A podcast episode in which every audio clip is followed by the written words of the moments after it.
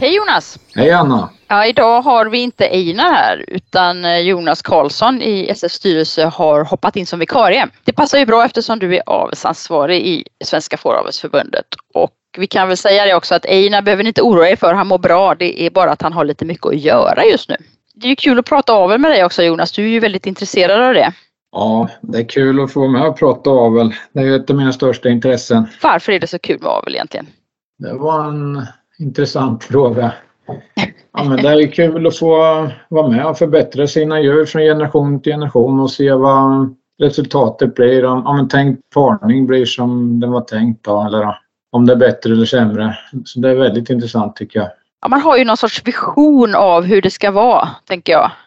Det är nästan som en eh, konstnärlig vision som man strävar mot och sen är ju vägen ganska, det är ganska svårt. Precis som när man håller på med konst. Så är det ju. Jag kan dra en liten anekdot om du vill. Jag är väldigt noga med att planera min avel. Så var jag på en baggaktion och köpte en väldigt fin Gotlandsbagge. Jag tyckte jag gav en väldigt fina tacker. Men eh, baggen var inte så bra så jag slaktade den baggen. Och då fick den uppfödaren som jag köpt baggen utav, hon eh, fick tävla med det här skinnet på skinn-SM. Baggskinnet alltså? Ja precis, baggens skinn. Varför tävlade inte du med det? Du tyckte det var schysstare att låta uppfödaren tävla med det? Ja, man får ju inte tävla med inköpta skinn heller. Aha. Och då vann där skinnet SM med störst marginal som jag känner till. Och så tävlar jag med, med ett eh, lammskinn efter den här baggen i den största klassen med 80 skinn och då kom det trea och publiken röstade fram det som det finaste skinnet. Sen eh, hade min, gott, min Lesterbagge hoppat in och betäckt en tacka för den här baggen. Så, så det vart ju en korsning En bara. av, en av döttrarna? Nej, en, en av den här baggens tackor som han skulle ha betäckt. Aha, okej. Mm. Och, och då tävlade jag med det här vita skinnet i den klassen och då vann det skinnet klassen. Så eh, kontentan är ju att man kan tycka man är jättebra på avel men slumpen gör mycket också. Men så är det ju. Vad var det du hade att anmärka på den här baggen egentligen? Som du, ty- varför tyckte du inte han var bra? Den här baggen var nog egentligen bra men den passar kanske inte i min besättning. Fadern till baggen var från en jättefin besättning men- det passar inte i min besättning helt enkelt. Så eh, den, den spred lite för mycket och gav inte lika mycket toppar. Ja, men det är ju så med gotlandsfår i alla fall och jag antar att det är så i andra raser också att det finns olika linjer som passar olika bra ihop med varandra och ligger de för långt ifrån varandra så kan resultatet bli väldigt konstigt upplever jag. Ja, så, så känner jag också. Jag vill eh, gärna köpa mina baggar från besättningar som eh, har liknande stam som mina för då får jag en högre grundnivå och då blir topparna också högre.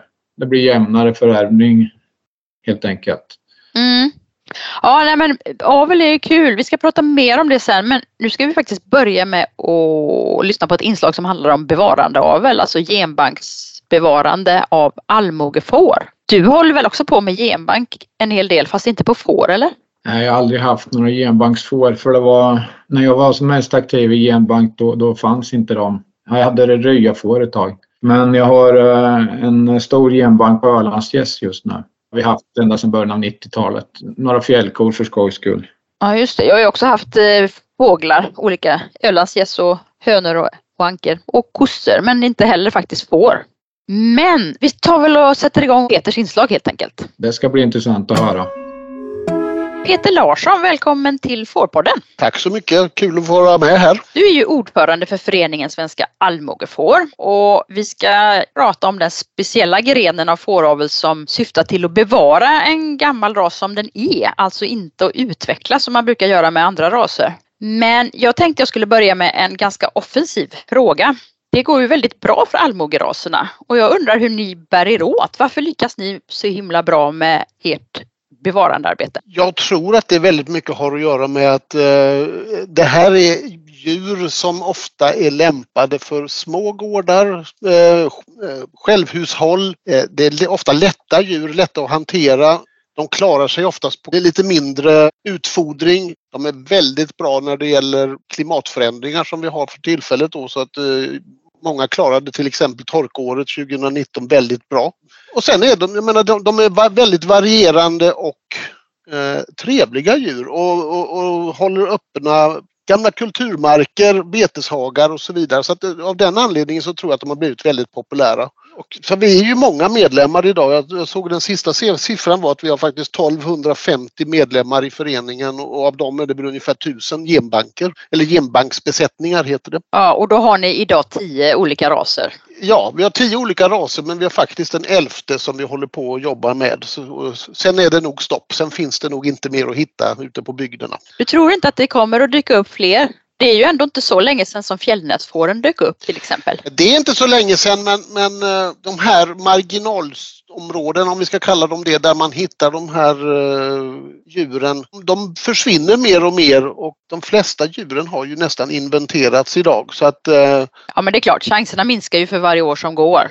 Ja, så att jag skulle nästan våga sätta en peng på nu att de nya brännefåren som vi håller på med, att de blir den sista rasen som vi ska komma att jobba med. Sammanfattningsvis kan man säga att eh, allmogeraserna många gånger tilltalar nystartare som ska börja med får och börja läsa på om får. Då, då känner man ofta att ja, men det är någon av de här som jag ska jobba med.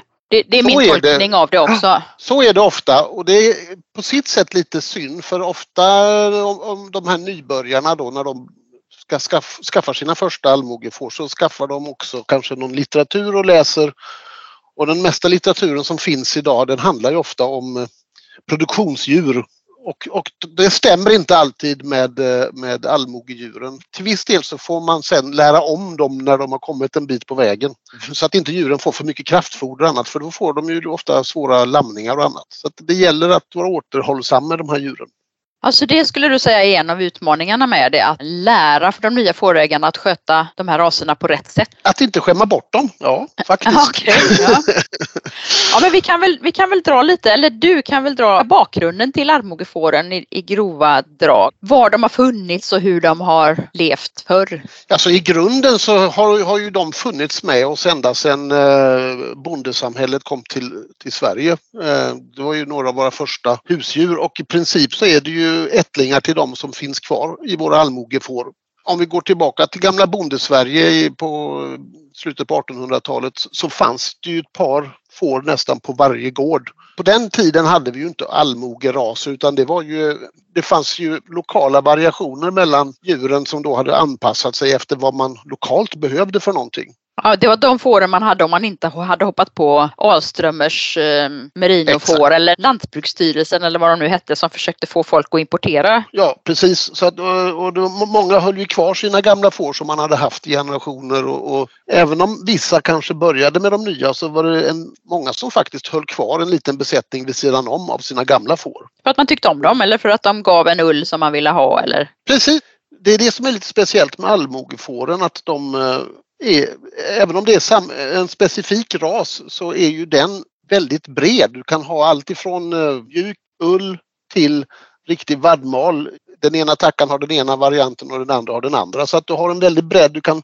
använda ullen till exempel då till olika saker. Skinnet lika så. Att du, vissa har ju så att säga velat ha väldigt vita skinn och så vidare som uppe i Dalarna till sina dräkter och sånt. Så att djuren var anpassade till det man behövde på gården. Ja, du menar att man har inte ens försökt att forma flocken så att den är jämn utan man har tyckt att det varit bra att jag har ett får som ger strumpull och ett som ger stoppningsull? Ungefär? Exakt, exakt. Man har, man, man har velat bevara den här bredden och det är det vi försöker göra i vårt arbete också. Det är att bevara bredden och inte så som man har med andra rasföreningar. Där har man ju en uh, rasstandard hur, man, hur djuren ska se ut. Vi har ju inte det utan vi har en rasram istället där djuren ska befinna sig inom uh, vissa ramar som, som är betydligt bredare då. Och då vill ni ha kvar variationen även på besättningsnivå, inte bara inom populationen då i hela landet? Absolut, precis. Vi vill ha det på besättningsnivån men eh, absolut viktigast att det i totala genbanken har hela variationen. Men de här tio raserna då, de kommer från olika delar av landet. Hur kommer det sig att de har bevarats som tio olika raser och att man inte har slagit ihop dem till en? Eller inte en kanske, men några få istället för att bevara så många? Det var ju faktiskt på väg att bli i princip en ras på 90-talet när man började leta efter de gamla lantraserna så bland annat Nisse Dahlbäck och Håkan Hallander och några till som var ute och tittade. De, eh, då hade ju redan Bengt Sonesson uppe i Värmland samlat djur eh, av, eh, som han upplevde som gam, gammal, eh, gammalt utseende. Så han hade samlat en flock på sin gård och det var ju det som var grunden sen till Värmlandsfåren. Jaha, så man kan säga att Värmlandsfåren är lite grann ett blandallmogefår eller hade han samlat i Värmland mest? Han har samlat dem i Värmland eller i närheten av i alla fall någon, någon djur han hämtade nere i, i, i Dalsland också. Men, men huvuddelen är från Värmland från olika gårdar. Så att Värmlandsfåret är lite grann ett hopplock eh, av djur från lite olika ställen i Värmland. Mm, okay. Då fanns, sen kom, hittade man ju även då åsenfåret och, och, några andra och tanken var ju då att slå ihop alla de här till ett enda skogsfår som man kallade det. Mm, det är därifrån eh, det, det begreppet kommer som man ser ibland, just skogsfår. Just det, just det. Föreningen bildades ju sen då 1995 och i samband med det så, så höll vi isär de här besättningarna, även om de kallades för skogsfår i början. Så man höll isär dem så att de som kom från åsen, de, de höll man för sig och de som Sonesson hade haft dem som Värmlandsfåren, de höll man för sig. Och sen har vi, det visat sig att det finns genetiska skillnader mellan dem också så att uh, vi gjorde ju faktiskt rätt i det fallet. Man gjorde det för att se om det funkar och på sikt har man sett att det funkar och dessutom att djur skiljer sig genetiskt sett. Man trodde ju från början mycket. också att de skulle vara alldeles för inavlade så att det var bättre att slå ihop allihopa så att man hade fått en större genetisk bredd. Det har ju sen visat sig att eh, trots att de här djuren kanske har varit väldigt inavlade så har ju den här värsta inavelsdepressionen den har ju passerat och de, man har blivit av med svårare åkommor som de kanske hade fått rent genetiskt och istället så har man väldigt friska individer även om de är väldigt nära släkt med varandra. Och det här, det här var på 90-talet eller var det på 80-talet redan som man började att samla man började, djuren? Ja, Sonesson började nog på 80-talet men det var på 90-talet som själva bevarandet började komma igång. Ja men det är 25-30 år nu då och upplever ni att det fortfarande fungerar att hålla isär raserna utan inavelsproblem eller har det dykt upp några sådana? Vi ser inga inavelsproblem. Inte alls? Nej. Det är fantastiskt. Nu är vi, nu är vi, nu är vi ganska noga med att eh, hjälpa till och se till så att vi sprider de generna som finns så att eh, ingen linje så att säga blir för dominerande. Så att vi, vi rekommenderar att använda så mycket baggar som bara går i föreningen. Så det är den främsta strategin för att förhindra inavel, det är att använda många baggar? Det är en, en av dem absolut och sen eh, naturligtvis att man, man selekterar bort dåliga individer precis som man gör med all, allt avelsarbete. Att, men har du, har du dåliga tacker som har dåliga egenskaper, modersegenskaper till exempel, så ska de ju bort. Har du, ja, det är klart. Har, du, har man eh, baggar med en pungkula så ska de också bort och dåliga horn och så vidare. Så att man, man har ju en, en selektion har vi ju på dem. Mm. Eh, men sen för att då se till så att inte rent genetiskt att de ska bli för att genetiken blir för trång så, så, försöker vi då eh, använda så mycket baggar som möjligt och helst så ska alla tacker gå i avel varje år.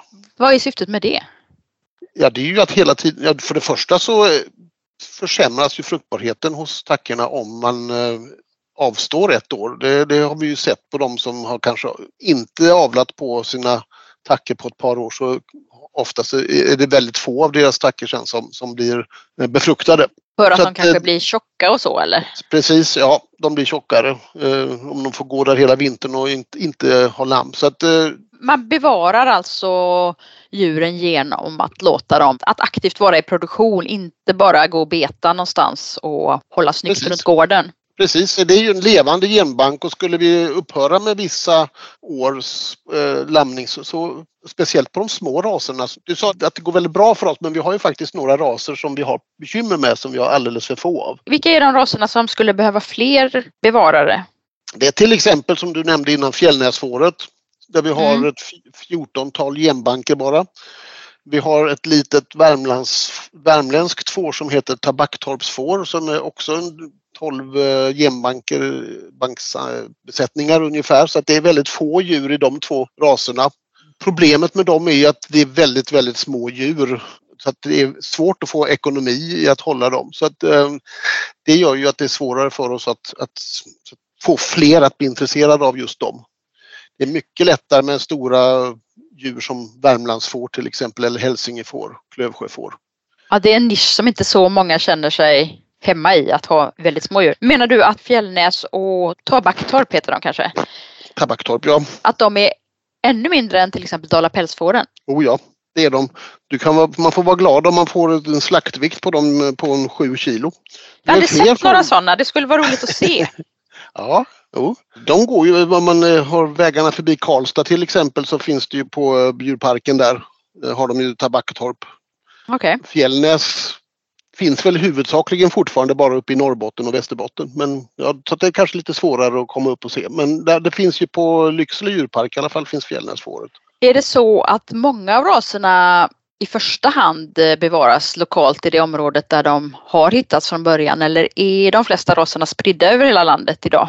Det finns en målsättning att huvuddelen av eh, genbanksbesättningarna ska finnas i närområdet ifrån där man fann dem. Men vissa raser har spridit sig mycket mer, de som har blivit väldigt populära. Eh, men jag kan ta ett exempel som roslagsfår som jag själv har trots att jag bor nere i Halland. 80% säkert av alla besättningarna med roslagsfår finns i Roslagen. Så att det är väldigt lokalt eh, förankrat. Som jag, jag nämnde att vi, vi ska då börja bevara ett får som heter Brännefåret som är en gammal rest av Bohusfåret och där blir det en jätteintresse nu då på västkusten då att eh, få ta hand om ett uh, västkustfår. Ja, det är många ja. som ställer upp. Alltså, vi har ju varit lite fattiga här. På, jag bor ju på, i Bohuslän. Vi har ju inte haft ja. någon lantras så att det är kul jo, att det har, ni ju, så. det har ni ju. Det har ni ju. Ni hade ju det gamla Bohusfåret men det... Ja men den har inte funnits i genbank. Det har inte gått att få tag på några. Nej, den var ju i princip utrotad. Och vi har bevarat då en liten grupp av en rest av det här fåret som, eh, som har hållits vid sidan om. Och vi har faktiskt hållit på med det, eller inte vi, det är en, en, en eldsjäl i föreningen som har jobbat jättemycket med det och um, bevarat det och först nu så har vi äntligen kommit till skott med att försöka bevara. Ja, och nu ligger avelsprogrammet hos Jordbruksverket och ska förhoppningsvis godkännas så att det här kan komma igång. Då. Precis, men vi har ju startat redan i föreningen så att vi har ju startat så att säga bevarandearbetet med dem redan. Mm. Eh, sen, sen, väntar vi då med Jordbruksverket att de ska godkänna avelsprogrammet och eh, om vi så småningom kan tänkas också få en viss ekonomisk ersättning för bevarandet av dem. Det får vi se. Mm. Jag vet inte, vi har ju varit inne på det men vi kanske ändå för tydlighetens skull ska ta bakgrunden till varför man tycker det är viktigt att bevara de här gamla raserna. Ja, det har vi, det har vi inte kanske nuddat så mycket vid men eh, jag nämnde det att de klarar sig bra även i ett föränderligt klimat. Det som är fördelen med de gamla allmogeraserna det är att de, är, de har vuxit fram med oss i, i vår miljö. De eh, är anpassade efter vårt klimat. De är, eh, är anpassade efter vår vegetation. De klarar sig på, på ganska så små betingelser. De, jag kan nämna där under torrsommaren 2019 så hade i princip alla mina betesmarker, de var sönderbrända. Ehm, men jag hade björksly kvar så att jag fällde mycket björksly och mina roslagstacker de, de levde hela sommaren egentligen på björk. När hösten kom så, eh, och min klippare kom hit och skulle klippa, första kommentaren var att de här var väldigt välnärda. så att de, det, det gick ingen nöd på dem på björksly. Det är mer näring i björk än man tror. Kanske. Ja, tydligen, tydligen men det är ändå ganska så få får som ställer sig och äter björk. Björk är inte det godaste. Nej. Nej, nej. men mina flockades, när jag kom med motorsågen så flockades de där runt. Så att de här djuren är hur som helst eh, anpassade till, till oss och, och vi vet inte vad som händer i framtiden om, om vi får mer torrsomrar, om vi får väldigt blött eller vad vi nu får för klimat här som kommer växla. De här små djuren de eh, klarar de omställningarna på ett helt annat sätt än vad ett stort produktionsdjur gör. Ja, och de är, det, de är väl anpassade för självhushåll. Precis och eh, som sagt de är inte speciellt stora heller så att eh, de kräver ju mindre mat per djur, per enhet, än vad de stora djuren gör. Och man kan dessutom använda dem till allt. Man har ullen, man har skinnen, man har köttet som ofta dessutom, i och med att de är långsamväxande, är väldigt välsmakande. kan jag säga. Det finns många anledningar att bevara dem. Och det är också därför som, menar, att vi vill bevara de olika raserna för att de just är anpassade efter olika miljöer. Ja, och har en, en koppling till den traditionella hand, hantverkstraditionen ja, lokalt också många gånger väl? Det också. Sen passar de ju inte alls in i det moderna samhället för att samla ull från våra får är ju inte så himla lätt när, när, när den är så pass varierande så spinnerierna är ju inte så intresserade av att få en sån blandning. Det är det som är utmaningen att, att de passar varken i storskaliga slakten eller den storskaliga ullinsamlingen. Så det är mycket man får klara själv. Använda gårdsslakterier, sälja på rekoring eh, och den typen av eh, verksamheter. Ja. Jag vet inte, var det Håkan Hallander som sa någon gång att eh, har, har, man väl börjat att blanda ihop alla de här olika raserna, det är som med färger, om man, om man blandar gul och blå och röd och grön så har man dem inte kvar sen. Och att det är ett väldigt viktigt skäl till att bevara dem även om det är små populationer för att vi vet inte om genetiken kommer att behövas. Exakt. Väldigt bra sagt av Håkan Alander. Vad är svårast med bevarandeavel för er som eh, förening, tycker du? En svårighet är ju att hålla tillbaka önskemålet kanske att få fram större djur, att, eh, att, att, att liksom skapa en, ett produktionstänk som kan locka ibland att, att man vill ha djur som får fler lamm och så vidare. Vi vill ju inte det. Vi motverkar ju de här önskemålen. Vi, man kan väl säga att vi i det fallet är efter, eller bakåtsträvare, att man, att man vill behålla populationen så oförändrad som möjligt. Det är omöjligt att, att, att den är helt oförändrad men att det ska gå så långsamt som möjligt. Det är ju nästan svårare att stå på stället. Än, gå bakåt är ju ganska lätt och gå framåt kan ju också vara ganska lätt. Men stå stilla är inte så himla lätt när det gäller avelsarbete. Nej det är inte det och det kan gå väldigt fort också att man får förändringar i en population. Vi såg ju plötsligt att vi fick ju på, som ett exempel bland eh, klövsjöfåren där vi misstänker att det har kommit in eh, något annat så att de plötsligt fick brun färg också. Eh, och klövsjöfår ska vara vita eller svarta och så plötsligt så fick vi bruna klövsjöfår och det här blev ju populärt då i, i de här besättningarna så det, alla vill ju ha bruna klövsjöfår plötsligt. Och det här är ju, det här är ju precis tvärt vad, vad vi vill då, för där vi ska inte förändra någonting. Så att, har det halkat in någon bagge på, på, i någon besättning och det blivit bruna får, då ska det här försöka avlas bort igen. Ja, ni, ni, var äh, ganska övertygade om att det här inte var en naturlig mutation eller någonting som hade funnits och legat alltså kvar den, och skvalpat och sen dykt upp? Utan... Vi tror inte det, för jag menar den bruna färgen finns liksom inte i klövsjögenen.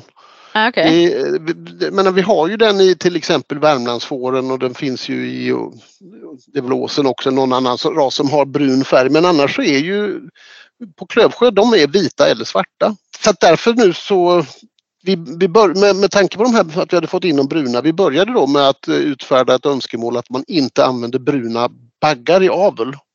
Mm. Eh, och det, har, det, det, gick inget vidare. Vi har fortfarande kvar bruna klövsjöfår så att eh, nästa steg nu blir att vi inte kommer tillåta registrering av bruna lamm överhuvudtaget i genbank. Eh, så får vi se om vi kan bli av med det, det anlaget på det viset och gå tillbaka till det ursprungliga djur som vi har åtagit oss att bevara. Okej, okay, och, och det här håller ni koll på genom årsrapporterna då som besättningarna lämnar in varje år? Eller hur, hur, hur kan ni det är ett stort jobb att följa alla de här tio raserna och ha koll på vad som händer det, ute i varenda buske. Det är ett jättejobb men det är också en anledning varför alla våra djur finns i Elitlam. Så att där kan vi få ut en hel del statistik därifrån. Sen har vi, vi jobbar med ett eh, program som heter PMX som man bland annat också använder i eh, på djurparksdjur där vi följer upp genetiken och ser så att eh, vi inte att inavelsgraden inte blir för hög till exempel. Sen har vi för varje ras utsett ett, eh, en eller flera genbanksansvariga personer som eh, har koll på sina raser och försöker hjälpa besättningarna med att hitta lämpliga baggar till exempel men även eh, via årsrapporterna då titta på färger och andra problem som kan finnas i besättningarna. Så vi har en stor grupp med funktionärer kan man väl säga, som hjälper till. Ja, och för besättningarna som, som eh, bevarar djuren, hur funkar det för dem rent praktiskt under ett fårår? Jag tror inte det skiljer sig jättemycket från eh, produktionsdjuren egentligen. Den, den stora skillnaden är ju att man ofta tar hjälp av genbanksansvarig när det gäller val av bagge för nästa år. Men fåråret inleds ju med lamningen under vintern och sen eh, eh ja, året rullar på. Sen är det ju då, då i, vid årsskiftet som man gör sin årsrapport och då går man egentligen igenom sin lista ifrån Elitland på sin besättningslista eh, och ser så att allting stämmer och att allting är inrapporterat. En vanlig genbank kan nog klara av eh, det här på någon, någon timme om året. Det, mer är det inte. Om man bara ser till så att man registrerar allting som händer i Elitlam. Ja, man sköter sina registreringar. Det är A och O för, för alla fårägare brukar vi ju Exakt. säga.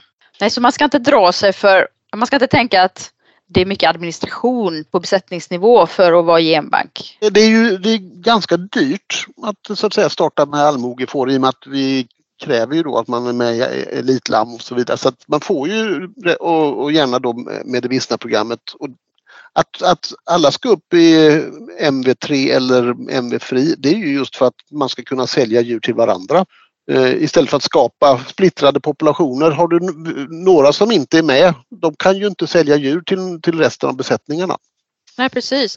Eh, kräver ni alltså att man är med i MV-programmet? Nej, vi kräver inte det men vi eh, uppmuntrar det och det högsta. Så att jag skulle väl säga att 80-90 procent av alla våra besättningar har MV3 eller MV-fria. Ja, det är ju ett fantastiskt resultat. Det gör ju också att det är de som har MV3 som får djur förmedlade såklart också. Så är det. Sen är det ju alltid lite svårare med de nya raserna. Det tar lite tid innan alla kommer upp i MV3 men vi är på god väg med både fjällnäs eh, och tabak och även eh, jag såg att den första brännefår besättningen hade fått MV3-status nu också. Ja, det är ett, ett jobb att kämpa sig uppåt men när man väl ja. är där så är det väldigt skönt. Så om man funderar på att skaffa får då och är inne på att hjälpa till med att bevara en lantras, hur ska man, hur ska man tänka och hur ska man gå tillväga? Ja, funderar man så ska man ju kontakta våran förening till att börja med. Föreningen Svenska Allmogefår då som har en hemsida som heter allmogefar.se.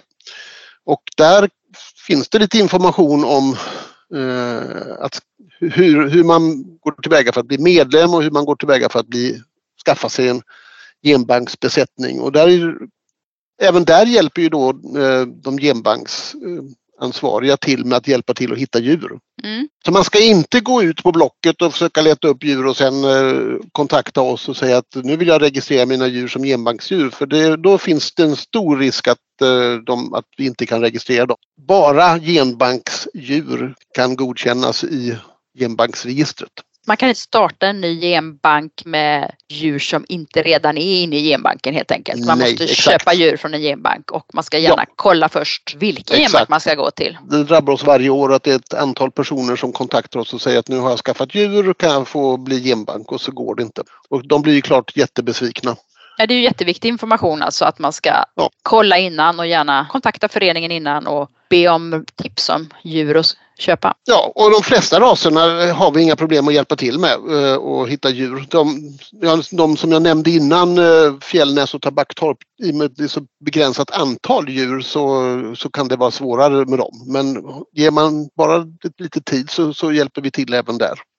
Mm. vi, vill ju ha, vi vill ju ha fler besättningar som bevarar just de raserna. Ja. Och de som väntar på brännefår nu då? Det också växer ordentligt bra. Jag tror att i dagsläget så har vi ett tiotal besättningar redan. Eh, Så att eh, jag ser inget, inget, inget orosmoln på himlen för Nej. just den rasen. Den är så pass speciell också, lite större så att eh, den har alla förutsättningar för att kunna bli en fruktbar ras. Man Mm. håller kontakten med föreningen helt enkelt. Man håller kontakten med föreningen och gärna går med i föreningen så får man en fantastisk tidning också. Mm. Det är också ett bra tips. Ja, men jag får tacka så jättemycket Peter för att du Ja. var med i Fårpodden.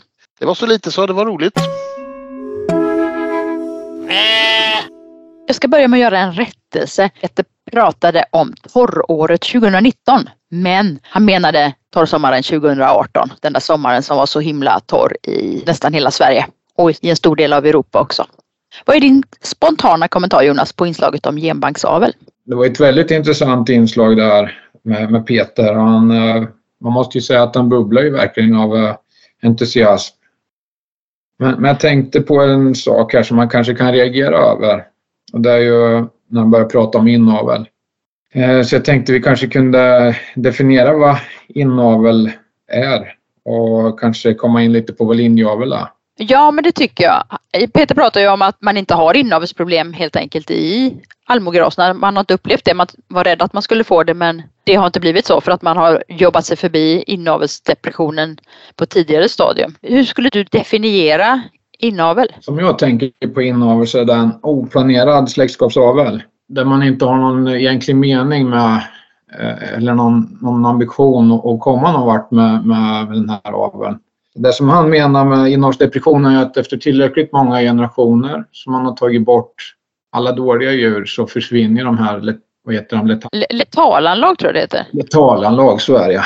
Alltså de dåliga generna försvinner så då har man ju inte så stora problem med sjukdomar eller missbildningar eller så. För när man inavlar så blir ju alla anlag starkare och det gör ju att eh, har man ett bra anlag så blir det starkare men har man till exempel hjärtfel så är det ju betydligt större risk att få hjärtfel då, när det är på båda sidor. Ja, sådana saker som visar sig när man får det från två håll, de kommer ju fram helt enkelt. Precis. Så det är ju ett verktyg man kan använda för att se om eh, ens djur har något dåligt anlag.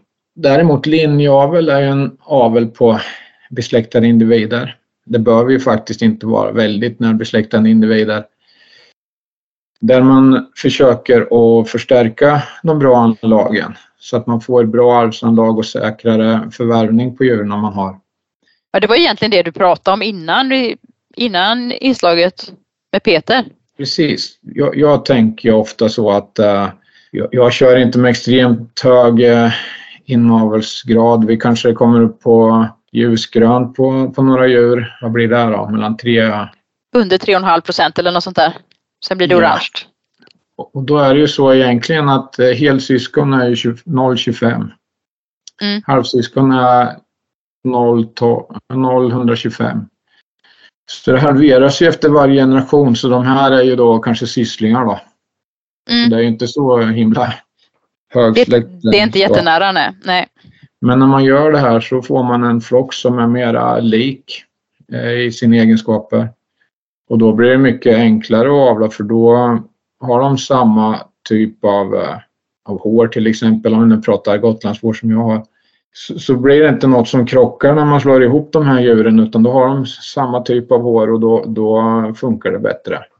Och det är ju samma sak om man har um, en viss muskelansättning eller på köttdjur med. Alltså, så det är ett, ett, bra verktyg att jobba med. Alla raser har ju uppstått genom linjeavel. Mm.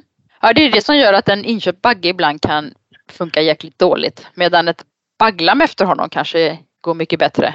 Ja, precis. Så, I den egna besättningen jag, jag räknar alltid med att en inköpt bagge kommer sprida mycket mer än mina egna baggar. Sprida, då menar du ge ett ojämnare resultat?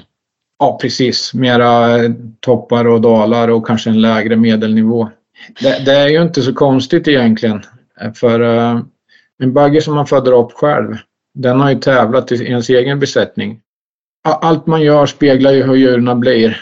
Det foder man ger dem, det skötsel man har, om man vill ha om man inte accepterar att de eh, inte kan lamma i flocken till exempel, att de ska vara så bra mödrar, då, då slår man ju ut allting här. Så, så de djuren man har, de har ju ett försprång mot de man köper.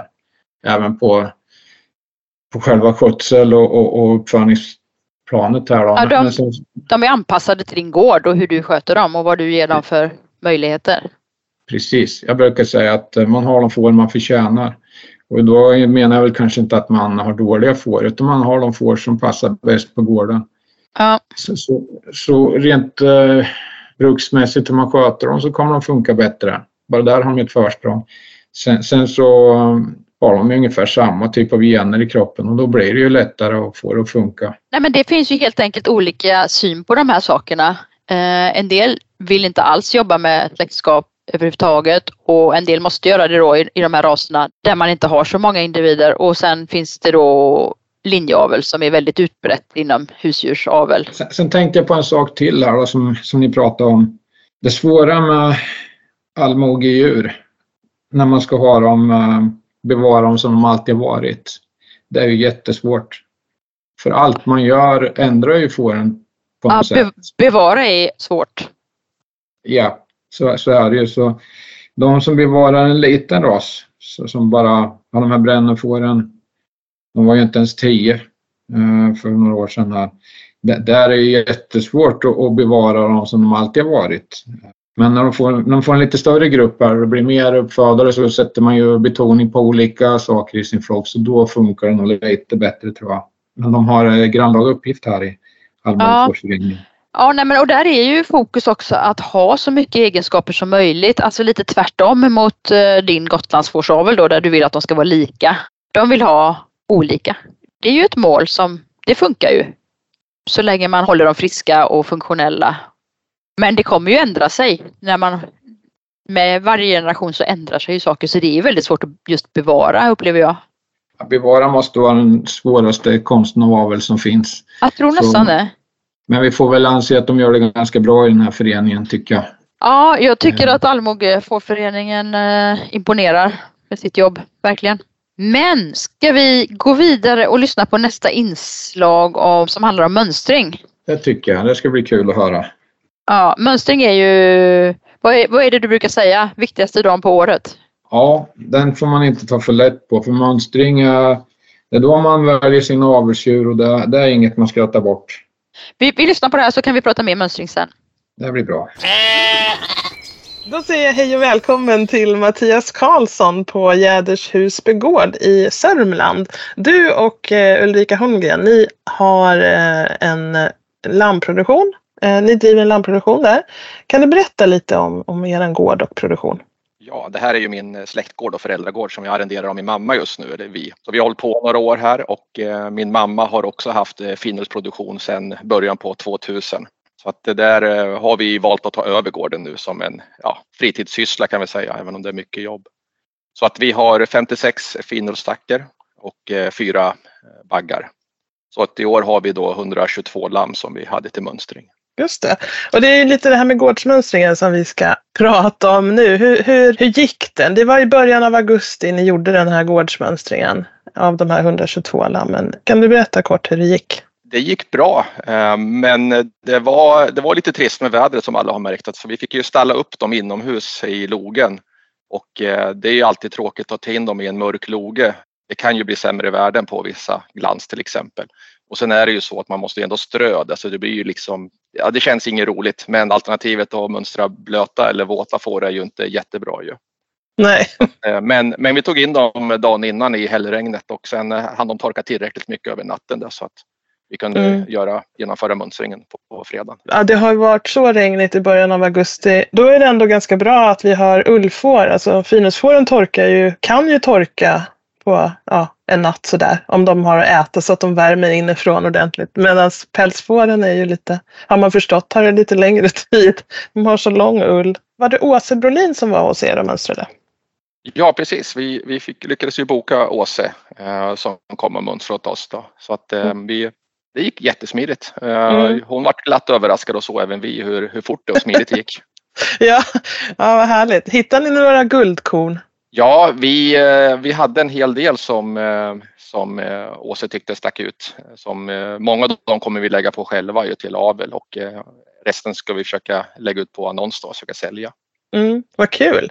Eh, så Åsa kan vi ju tillägga är föreslagen, föreslagen mönstrare för ja, eh, finusfår. Så att, eh, det är ju en garant kan man säga för att man är sambedömd och kalibrerad att kunna mönstra andras finusdjur. Så att, mm, och hon verkar i Sörmland bland annat. Kan inte du berätta lite om hur ni hade förberett? Du sa att ni hade ju tagit in dem så att de var torra. Det är ju liksom första steget. Ja precis och sen, sen är ju hanteringen inne eller när man hanterar får är alltid A och O så att eh, vi försöker ju alltid ha några lamm på vänt i follan då, så att vi har ju, de går i en stor folla sen tar man en mindre folla och sen blir det mindre och mindre tills eh, min lillebror då eh, stod så att han kunde hantera sista biten fram till mönstringsbänken och även därifrån ut tillbaka i hagen då till ja, mm. angränsande hage. Då. Så ni var tre personer utöver Åse som var på plats? Vi var väldigt många, det var hela min lillebrors eh, familj då så att vi hade ju två som hjälpte till att eh, mota och skriva. Vi vägde ju också samtidigt där ju så att eh, vi mm. hade ju en lina där de, lammen gick genom bågen och sen tog min lillebror emot lammet och, och sen ut till Åse och sen därifrån ut till Hage då. Mm. Så att, det var, vi var ganska många, det var, det var väl onödigt många men det var en trevlig familjeäventyr för dem också, barnen där. Ja, just det. Ja, men det är bra att göra något eh, kul kring det, så att säga. Nu bara så att jag förstår rätt, men vägde ni lammet innan det kom upp på möns Åses mönstringsbord eller gjorde ni allt på Åses mönstringsbord, vägning och mönstring? Nej, vi vägde innan. Åse har mm. ju möjlighet att väga men för att uh, spara lite tid där så, så vägde vi med våran våg innan. Just det, vad bra. Så hon noterar vikten och sen vidare på Åses mönstringsbord och hon kollade hur de såg ut. Då. Mm. Ja. Ja, men det låter ju smidigt. Var det något mer där kring förberedelserna som vi ska ta upp? Nej, alltså det är jätteviktigt att man har, när man har mycket lamm som, som vi har så måste det vara bra flöde hela tiden. Det får inte stanna för att man ska hålla på och mota runt det utan eh, man får tänka till när man bygger de här follorna att man har ett, ett bra flöde i det. Och du nämnde när ni tar in i logen så där, då fick ni försöka fixa något ljus då, så att det gick att se eh, ullen ordentligt. Ja, vi, vi, har ju strålkastare sitter i logen då, men, men när vi ställde mönstringsbänken eh, eller där Åse skulle stå då, så nära eh, en av våra skjutportar som möjligt så hon fick dagsljuset i ryggen hela tiden. Då. Mm. Men, men det märktes också, vi, med facit i hand, vi körde ju först vita får, sen körde vi svarta och sen bruna. Och när vi körde de bruna så hade ju solen passerat logen då så att det vart ju lite mörkare. Med facit i hand så skulle vi kanske tagit de svarta och bruna på dagen och sen de vita lite mer på eftermiddagen när solen mm. hade försvunnit. Mm. Men det, det är sånt man lär sig till nästa gång. Ja, just det. För vi som jobbar med de här raserna som har olika färger, då, då vet jag att det är att föredra att mönstra dem färgvis så att inte mönstren måste ställa om ögonen. liksom, så att säga. Eh, att det kommer en svart och en vit om vartannat. Sådär. Så att, eh, det är också ett bra tips att dela kanske in dem om det är en stor grupp, att man färgsorterar dem innan eller om man kan ta dem bara, eh, om det är lätt att fånga dem i färgvis så att säga. Hur brukar ni använda resultatet, mönstringsresultatet? Vi, vi har ju det primärt för vår avelsplanering. Vilka ska vi lägga på? Vilka ska slå ut, slås ut då? Um, och vi lägger ju alltid på fem, tio stycken eller ibland är det fler också beroende på hur fina vi tycker de är. Då. Så det är, ju, det är ju ena delen liksom för vår avelsplanering. Den andra är ju att det ger ju liksom ett kvitto att hur vi ligger till med vårt avelsarbete. Följer vi dels svensk rasstandard för finull och dels så följer vi våra mål med vad vi söker i finull. Det är ju en anledning vi håller på med finull och inte köttras. Så att det är ju flera steg här som, som ska klicka i då varför vi, hur vi använder mm. resultatet. Då. Mm, precis. Vad har ni för eh, egna mål inom Pinus er finusavel så att säga? Ja, när vi började med det här så satte, satte vi oss ner, jag och Ulrika, och pratade om vad det är vi söker egentligen och, och eftersom mamma då hållit på med finull så var ju hon stark förespråkare för det. Eh, och, och eh, vi var väl inte jättesvårövertalade för vi tycker det är kul att jobba med ullen, hela den biten som följer med det. Då. Så vi tittar ju jättemycket på, kroppen kommer lite sekundärt men vi vill ju gärna ha eh, jämna värden där. Men, men annars är det ju mycket med ullen och kvalitet på den. Hur är glansen? Hur ser det ut med krus och sånt här? Så att eh, vi jobbar jättemycket med det för att försöka hitta riktigt fina baggar eh, som matchar våra tacklam och tacker. Mm. Så ullen är ändå en viktig intäkt för, för er så att säga? Eller ni vill jobba med den? Ja, intäkt är, den är väl eh, snudd på försumbar men däremot så, så är det lite det som jag tycker finull är annars skulle vi inte jobba med det. Nej. Ehm, men vi tycker det är viktigt eh, och min sambo Ulrika här jobbar ju jättemycket med handarbete och tycker det är kul att hålla på. Så att det, det är liksom grundingången mm. där och, och, vi vill gärna sälja fin ull om man säger från finull. Ja, jag förstår. För ni måste ändå få en hel del eh, ull då från era tackor och om ni klipper några lamm? Lammen brukar vi sällan klippa om det inte är sådana som är rekrytering utan mm. eh, då tar vi hellre tillbaka skinn ifrån lammen om de är fina. Mm. Just det. Att det är ju det är den andra delen där liksom med, med ullen då. Man får ju väldigt fina skinn om man har en fin ull. Ja, det är ju positivt. Såklart. Um, tycker ni, alltså jag vet ju att det är ganska mycket jobb eh, med att göra gårdsmönstringen. Man ska förbereda och det tar en hel dag och ofta så lägger man ju ihop med att man också kanske skiljer av så att lammen ska till olika beten sen. Man måste även förbereda efterarbetet så att säga så att de kommer ut på, på ett smidigt sätt efter. Det, det tar mycket eh, tid och energi. Tycker ni att det är värt den här eh, mödan och kostnaden att mönstra? Ja, absolut. Eh, om, om alternativet är att inte mönstra överhuvudtaget så är, då, då, då kan man ju då kan man ju hålla på med någon annan ras som inte är lika noga tänker jag. Liksom. Då kan man ju gå in på valfri köttras och titta bara på kropparna. Men, men jag tycker att håller man på med finull och tycker det är kul med ullen och vill vill faktiskt hjälpa till och avla på det och få fram fina lamm och bibehålla rasstandard, då tycker jag mönstring är ju lite A och O. Mm. I någon form, även om man inte tar in eh, rekommenderad mönstrare så kan man väl gå en mönstringskurs och försöka själv i alla fall så att man har lite tum om kropp mm. och ull och, och, så. Ja, för alternativet blir att man går och tittar då lite på dem i, på bete och pekar. Vilka ska man ha kvar och inte? Det blir väldigt eh, slumpmässigt urval.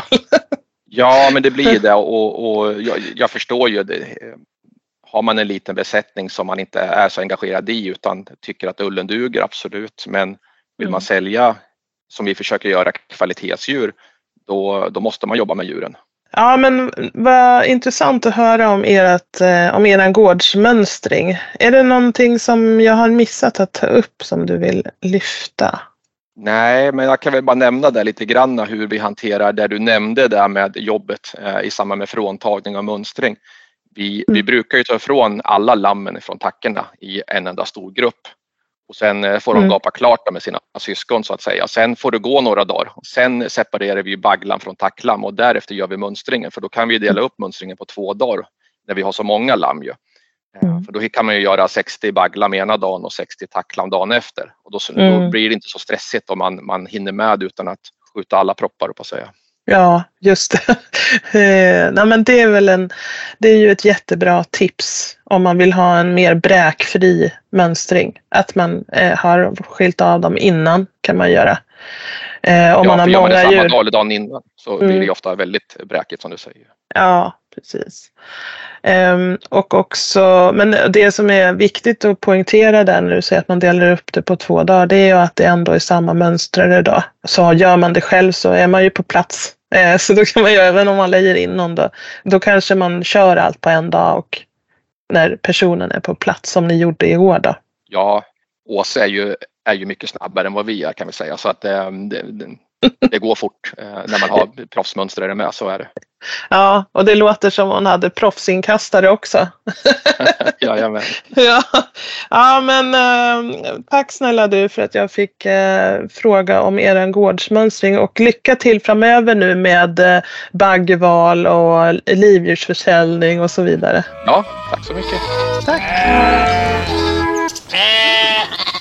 tyckte det var väldigt intressant det här inslaget och att de tog så hårt på sin mönstring, för det måste man göra. Men jag tänker på en sak som jag tycker är viktig och det är det här när de stod i dörren där och det vart olika ljus. Vi har alltid försökt att ha samma ljus hemma så alla ska få samma möjlighet. Det är jätteviktigt. Och i år tog vi äntligen steget att göra ett eh, speciellt mönstringsrum. I det här mönstringsrummet kommer djuren in genom ett hål i väggen och hela rummet är vitt så vi får samma ljus. Det är också ljudisolerat det här rummet. För något som eh, gör att man kroknar när man har många djur det är att det är som rackars oväsen om man inte har skilt lammen från tackorna. Och vi har alltid tackorna med lammen till mönstringen. Så det har varit ja. ett jättelyft. Du har en stor folla utanför med alla tackor och alla lamm och sen så slussas det in lamm successivt då, eller en och en i rummet? En och en, och en kommer de. Ah, Okej. Okay. Så det har varit jättebra faktiskt. Har man många djur man ska titta på så blir det mentalt rätt jobbigt så, så ta lite raster också. Ja, herregud, det måste man ju. Det är, det är väldigt ansträngande att använda ögonen så intensivt så mönstraren behöver ju pausa. Så, så är det ju. Tänk på Snickers-reklamen. Man blir lite grinig om man är hungrig. Nu, nu pratar vi ju egentligen päls och ullmönstring här då. Eh, men i min besättning så jag försöker vara noga med exteriören. Jag tycker det är väldigt viktigt och eh, därför har vi ett betonggolv där vi håller på så att man kan släppa ner djuren. Och jag är det minsta tveksamma med benexteriören då som är svårast att se eh, när de står i en, en våg. Då, då tittar vi noga när de hoppar ner och då kan man ju även se sänkta ryggar och sådana här saker bättre. Så, så kolla exteriören på era djur, det är väldigt viktigt. Eh, där är ju verkligen köttraserna långt före oss andra. Ja, verkligen. Och det är viktigt även på ull och pälsraserna att man kollar benställningar och ryggar och när, när de står naturligt och rör på sig. Ja, det, det, är väldigt viktigt. Men det här rummet, kan du använda det till annat också eller är det ditt eh, heliga mönstringsrum som bara används två dagar om året? Det kommer nog bli eh, mitt heliga mönstringsrum. Det är svårt okay. att använda till annat men, men där, vi, vi har plats för det. Så. Ja, du får offra till mönstrings eh, pälsguden där inne kanske? ja, det får jag göra. Men jag känner att det med mönstringen, själva avelsurvalet av avelsdjur i alla besättningar, oavsett om man har päls, ull eller kött, det är det viktigaste man har på, på året egentligen. Det är då man eh, sätter nivån på sin flock. Mm. Så där måste man vara jättenoga tycker jag. Ja, jag håller med. Det är också det roligaste och ja, men det är svårt många gånger för att eh, man kan inte spara hur många som helst. Så det kan vara ganska svårt att välja. Det är så mycket att ta hänsyn till. Det är ju. Jag brukar få lite för mycket avelsdjur så då klipper vi våra djur ganska nära inpå. Och sen så, så kollar vi en gång till här nu i höst. Du menar Gotlandsfåren och Lästerfåren, du klipper dem för att se hur deras pälsar växer ut naturligt? Alltså det finns flera aspekter i att klippa dem tidigt. Men, du ser ju hur de ser ut under också. Det är ganska intressant. Absolut. Här, här, eh, här kan vi egentligen se skinnet på djuren. Mm. Det är lättare att bedöma kroppen. Men sen finns det en stor fördel med att klippa tidigt. Vi försöker alltid klippa i slutet av augusti. Då klipper vi alla avelsdjur, tackor, baggar och lamm och små lamm. Och det blir en boost när de kommer ut. Det blir lite kallare för dem. De äter mer och höjer hullet ute på betet istället för att man klipper dem sent och det blir kallt och man får fora extra. Så här sparar ja. vi faktiskt pengar och djurvälfärd. Ja, det är ju jättebra idé. Låta dem äta upp sig på betet istället för inne på stall. Ja, det funkar bra här i alla fall. Och väldigt bra också på de där som är lite små som behöver få en tillväxtspurt. Ja, det brukar verkligen kicka igång dem. Så det, det är något jag kan rekommendera. Mm. Jag tycker man ska försöka tjäna pengar på det man gör. Det gör man om man klipper tidigt. Man förlorar ju pengar om man klipper sent.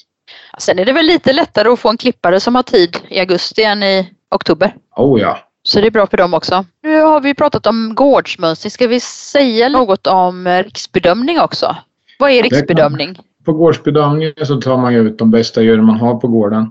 Och har man några riktigt bra bagglam, oavsett ras här då. Nu är det ju tyvärr vart i kött är riksbedömningen inställd och det är väldigt beklagligt. Men man tar sina bästa djur från gården och så tvättar man dem ett tag innan och så åker man iväg till eh, ett ställe där ett par riksdomare kommer, alltså riktigt, riktigt bra mönstrare. Och där får man ju ett kvitto på hur bra djuren är när man visar dem. Det är en noggrann genomgång av, av de här djuren på ett antal ja. platser i Sverige då som hålls i slutet på augusti. Så gör de en turné, åker runt landet. Precis. Jag tycker det är jätteviktigt att det här fortsätter så vi, vi får en kalibrering av våra djur ute i, i landet. Här, här kan man ju som mönster kan man ju få en litet hint hur man ligger till. Om man har bedömt djuren rättvist menar du? Ja, precis. Det här ligger till grunden för aktionerna. Så det är jätteviktigt. Aktionerna tycker jag är viktigt att vi har kvar. Det är ett sätt eh, att hitta bra avelsmaterial där man kan åka ut och jämföra olika djur och hitta de bästa djuren. Så riksbedömning tycker jag vi ska vara rädda om. Och tyvärr så vart det ju bara, det vart inte riktigt 400 baggar i år. Vi hade 500 förra året. Så det är vikande intresse. Så jag hoppas verkligen att vi får igång riksbedömningen igen. Tror du att det var väderrelaterat i år eller varför har det kommit så få baggar i år? Det tror jag nog att det var för uh, vi vill ju helst att baggarna ska ha en skaplig vikt till exempel.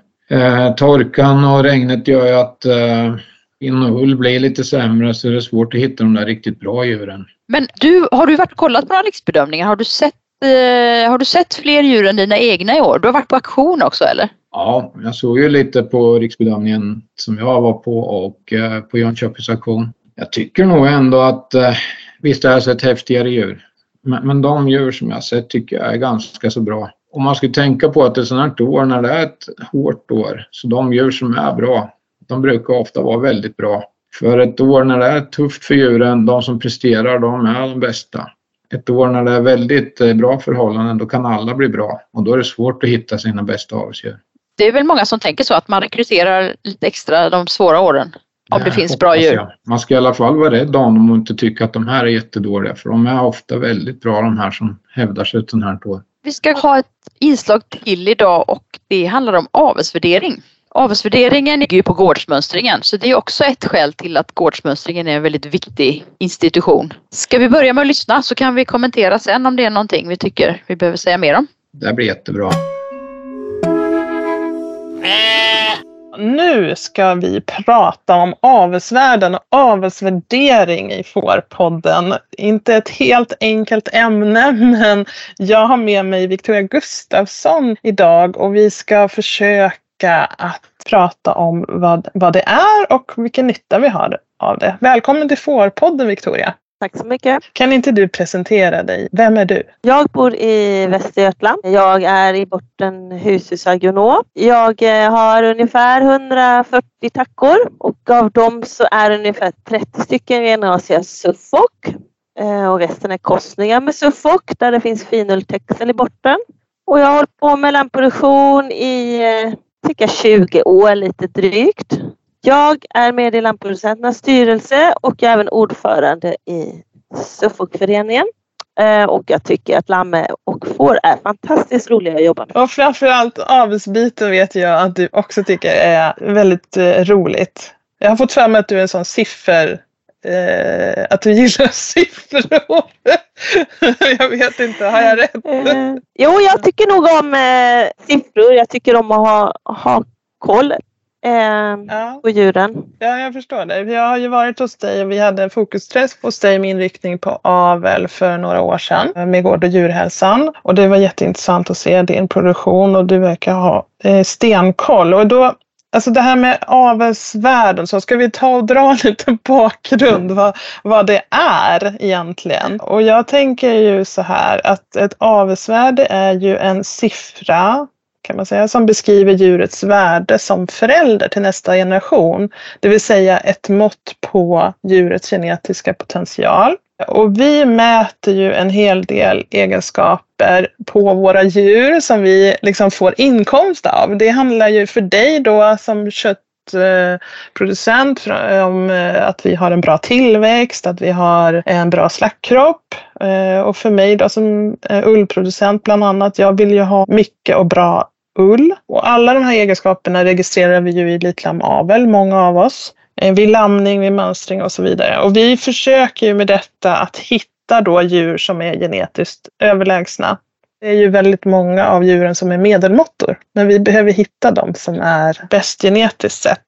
Eftersom det som vi mäter är ett eh, resultat av både arv och miljö. Och då är tanken att avelsvärderingen ska hjälpa oss att skala bort de här miljöeffekterna. Att vi liksom kan vaska fram den genetiska potentialen. Vi har ju en metod för att beräkna det här i dagsläget. Kan, kan du berätta vad, vad du vet om eh, den här metoden som vi använder vid avelsvärdering? Ja, det är ju en eh, statistisk eh, metod där man eh, gör en massa registreringar och man eh, rapporterar in dem. Man inkluderar djuren, alla djurens släktingar. Och sen är det en avancerad statistisk eh, beräkning. Så får man något som heter BLUP, avelsvärden. Best Linear Unbiased Prediction. Och så det ska då vara det mest sant skattade avelsvärdet som vi kan beräkna för det här djuret. Då. Det här är ingenting som man räknar själv med papper och penna. Det här behöver man en, en väldigt eh, avancerad datorteknik för. Ja, precis. Och, och vi har ju väldigt många djur anslutna till Elitlamavel som vi registrerar mycket data på. Och sen har vi som ett nät kan man säga mellan besättningarna. Vi har köpt och sålt djur till varandra, vi använder semin och så vidare. Så vi har genetiska kopplingar emellan så att djuren provas i olika miljöer kan man säga. Man tar också hänsyn till eh, egenskapernas ärbarhet och man tar också hänsyn till de här genetiska sambanden mellan egenskaper, det som man brukar kalla för korrelationer. Så allt det här vägs samman i den här statistiska analysen. Och vi tar ju hjälp av, eller vi säger, alltså Fåravelsförbundet tar ju hjälp av Växa för att göra den här avelsvärderingen. Sen, sen kan jag tillägga att de här avelsvärdena beräknas ihop med en viss eh, sannolikhet eller säkerhet. Då, beroende Mm. på hur många registreringar djuret har och om egenskapen är mätt på djuret självt eller inte. Vi kan ju inte mäta slaktkroppsegenskaper på avelsdjuret utan det får man hämta från djurets avkommor eller släktingar. Och ju fler avkommor man till exempel har fått slaktkroppsegenskaper för ju säkrare vet man vad den här kanske baggen då producerar för den egenskapen i fråga. Nu är det snart mitten av september vi spelar in det här och vi har ju ganska nyligen eh, fått färska avelsvärden. Man får ju ut dem två gånger per år i dagsläget i Elitlamp. Så uppdateras avelsvärdena och då eh, tar man med all, all ny data som har kommit in sen senaste avelsvärderingen. Eh, har du varit inne och kollat på de nya avelsvärdena Victoria? Ja då, det är, är ju som, som julafton. Slänger, är det ja. sån som slänger dig på datorn och kollar? Så? Ja, det är jätteintressant. Jo, man blir ju lite, det är samma här. Uh, in och kolla uh, på hur uh, lammens avelsvärden men också tackorna och baggarnas och sen Uh, andra listor. Liksom. Det är faktiskt intressant. Så i juli och september får vi ut uh, Eh, Eh, nya uppdaterade avsvärden. Och ungefär då tio dagar innan de här datumen som vi får ut nya avsvärden så, så behöver man ha registrerat eh, de data som man vill ha med i, eh, ska användas i avelsvärdering. Det handlar ju om lamningar ofta i den första, kanske 60 dagars vikter och sen inför den andra avelsvärderingen i augusti då är det ju många som vill ha, hinna få in mönstringsresultatet. Så är det. Men varför gör man inte mer än två avsvärderingar per år? Ni, ni, du, SAF-föreningen skulle väl kanske vilja ha en tidigare också? Ja, många, många som har tidiga lamningar som behöver välja livdjur och skulle jag önska att det fanns avelsvärden att tillgå vid en tidigare körning. När vi kommer till juli då har vi ju redan hunnit slakta ut en hel del djur. Eh, mm. Då har vi alltså inte hunnit få avelsvärden. Det är någonting som ligger på vår Mm. önskelista. Just det, och det är väl en kostnadsfråga helt enkelt. Varje avsedering kostar ju en, en summa pengar. Um, men uh, så det är väl en avvägning där också när på året det är flest användare som behöver dem antar jag också. Uh, jag gissar, så, jag gissar ja, det också. Ja. Uh, vilka raser är det som får avelsvärden? Det är ju tio olika raser. Kan du dem? Några kanske jag kan. Ja. Häxel, Ja. Eh, Suffolk och Dorset, Oxford Down, Shropshire. Och även Jämtlandsfåret får faktiskt. Eh, det är ju, okay. vad ska man säga, lite kombination mellan ull och kött. Ja, ja just mm. det. Mm. Mm. mm. Och Leicester, eh, Gotlandsfåren, finull, mm.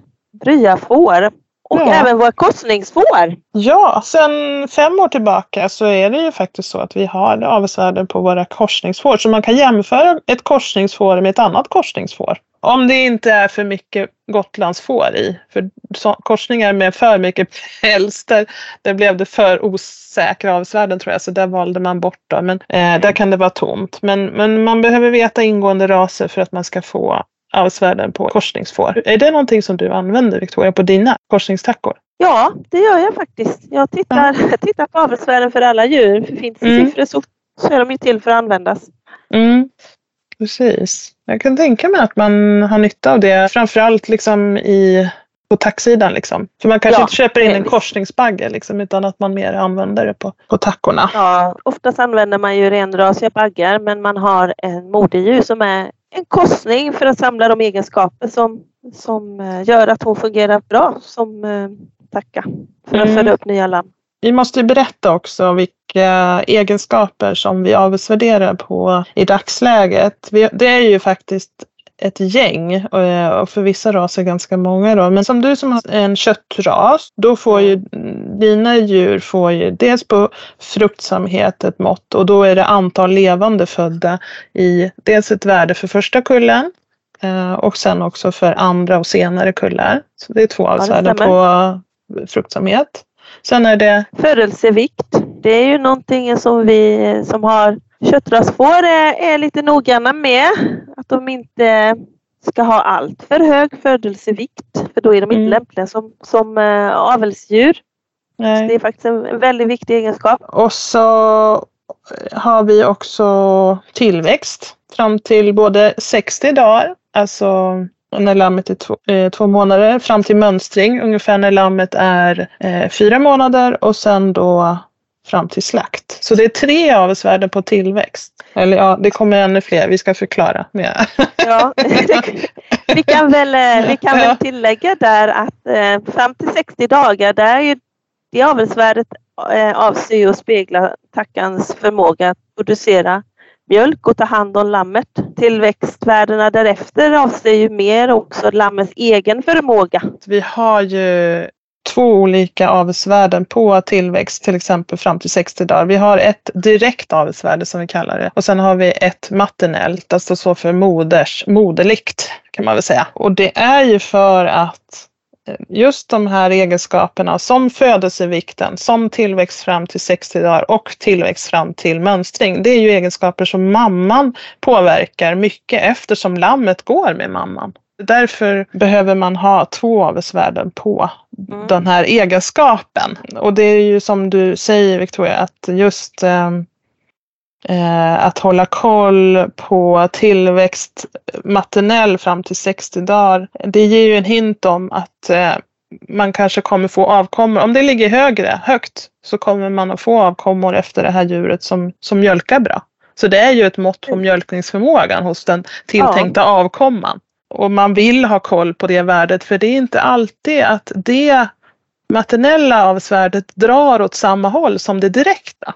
De kan, de kan, det kan vara ett negativt samband där. Det är därför man måste hålla koll på båda. Ja, liksom. ja det kan man ju ofta se när man jämför baggar. Det kan gå åt olika håll. Eh, det maternella och det direkta. Ja, och man kan få baggar som ger avkommor som växer jättebra. Men är, den, blir det, är det en dotter som man sätter in sen så visar det sig att hon, har, hon mjölkar inget bra. Hon har lo, kanske låga värden. Så det gäller att man håller lite koll på, på, på det. Sen är det ju det här med också muskelutfyllnad, alltså kroppskonformation har vi ju fram till mönstring och fram till slakt. Två viktiga egenskaper. Ja.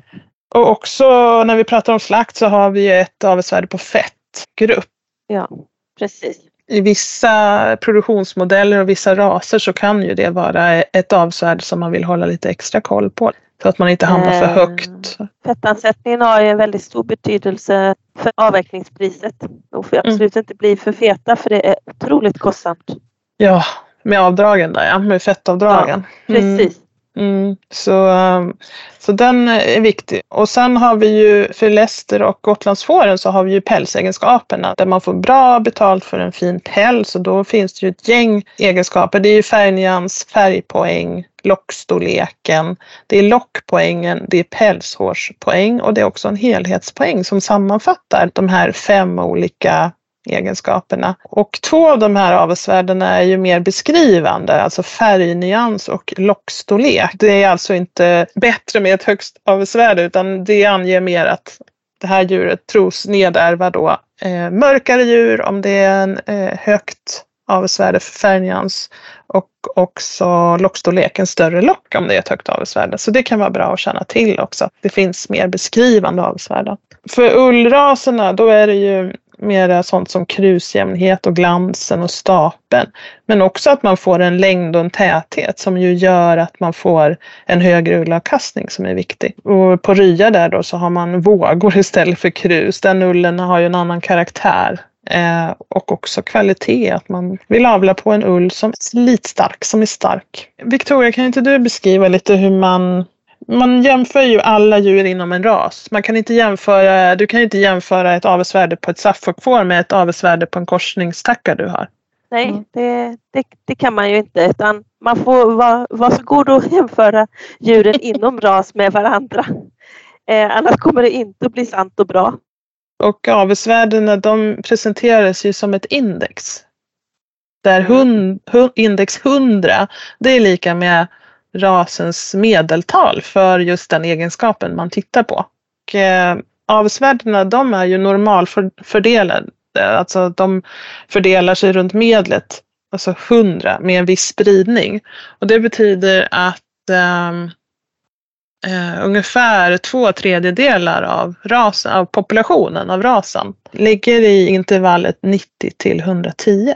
Ja, och varje, varje enhet eh, har ju då ett visst värde. Man kan mm. ta som exempel då tillväxt. Eh, där kanske en enhet upp är 5 gram ökad eller minskad tillväxt. Då. Mm. Eh, och det gäller ju då inom den rasen, eh, till exempel Suffolk och sen tillväxt för en päls, där har den enheten ett helt annat värde. Det kanske är 3 gram eller något annat eh, siffra. Så man kan inte jämföra dem eh, mellan raser utan det måste vara inom ras. Ja, precis. Och det du nämner nu att eh, det är ju den enhet som man mäter i. Eh, och det brukar precis. man kalla för absoluta tal ju. Och det kan man absolut räkna om avelsvärdena till eh, om man vill veta ja, men hur mycket är det här värt egentligen. Om jag ska köpa den här baggen, vad tror jag att jag kommer att vinna i tillväxt fram till mönstring eller så. Hur mycket högre tillväxt kommer han att ge? Så om man vill roa sig med det så kan man räkna mm. om till det. Men annars så kanske det räcker med att ja, men om man har lite koll på ja, men till exempel då, det är egentligen bara 2,5 procent av djuren som ligger över 120 index. Eh, eftersom, om ni tänker på den här normalfördelningskurvan. Så 120 är väldigt högt. Vi kanske ska nämna också att det finns ju på två raser så har vi något som kallas för rasindex har vi ut, har utvecklats och det är för gotlandsfår och finusfår. Eh, och det är ju väldigt effektivt om man vill göra avelsframsteg i flera egenskaper samtidigt. För då har man ju lagt en ekonomisk vikt, alltså vad vi får betalt helt enkelt för vissa av de här egenskaperna. Eh, så som marknaden ser ut nu. Och Ehm, så väger man ihop de här och så får man eh, ett rasindex. Det är ett jättebra sätt med en liksom, första rangering av potentiella livdjur. För man får helt enkelt en, en sammanvägning av flera olika avelsvärden i samma eh, siffra. För att visa att det indexet inte är ett avelsvärde utan en sammanvägning mer av, av flera avsvärden så har, redovisar man det indexet med medel 0. Så det är inte 100 alltså som på avelsvärden utan då utgår man från 0 och så är det, är det positivt, alltså högre än 0, då är det ju alltså ett djur som är bättre än rasens medel. Eh, ett bra hjälpmedel också. Någonting som vi med, som har köttraser också skulle kunna tycka vara intressant i framtiden och kunna utveckla kanske. Ja, det är bara att man ska sätta sig ner och rasföreningen måste bestämma vad är det här värt?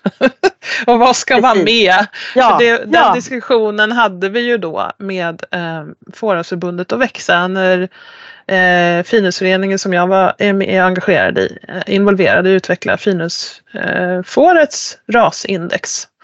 Eh, där modersegenskaper är viktiga och ullegenskaper bland annat. Då. Mm. Vi går över på det här roliga istället eh, Victoria. När, när, när tittar du på avelsvärdena eller när använder du avelsvärdena och lite det här hur använder du avelsvärdena? Det är det som är intressant att höra. Ja, jag, jag har ju funderat lite kring det här och det mynnar ju liksom ner att det, i grunden och botten så är det ju liksom handlar det ju om vid all planering av nästa generations lamm. Det är ju redan när jag, när jag bestämmer vilka lamm som går till slakt och vilka som blir livlamm.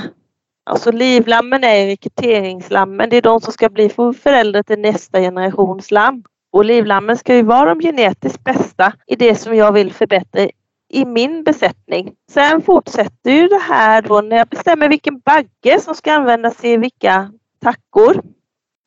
Eh, baggar och tackor, eh, baggarna ska ju komplettera tackorna. Eh, de ska komplettera varandras genetiska potential så att avkomman i medeltal ska ju bli bättre än den förra generationen. Baggen är ju den förälder till lammen som i de flesta fall får flest avkommor då jämfört med tackan så hans avelsvärde kommer ju att få stor inverkan på besättningen. Och det är väldigt viktigt att han liksom förstärker de svaga sidorna mm. hos, eh, som jag har, som jag upplever i min, min besättning. Jag kanske vill ha attacker som mjölkar bättre.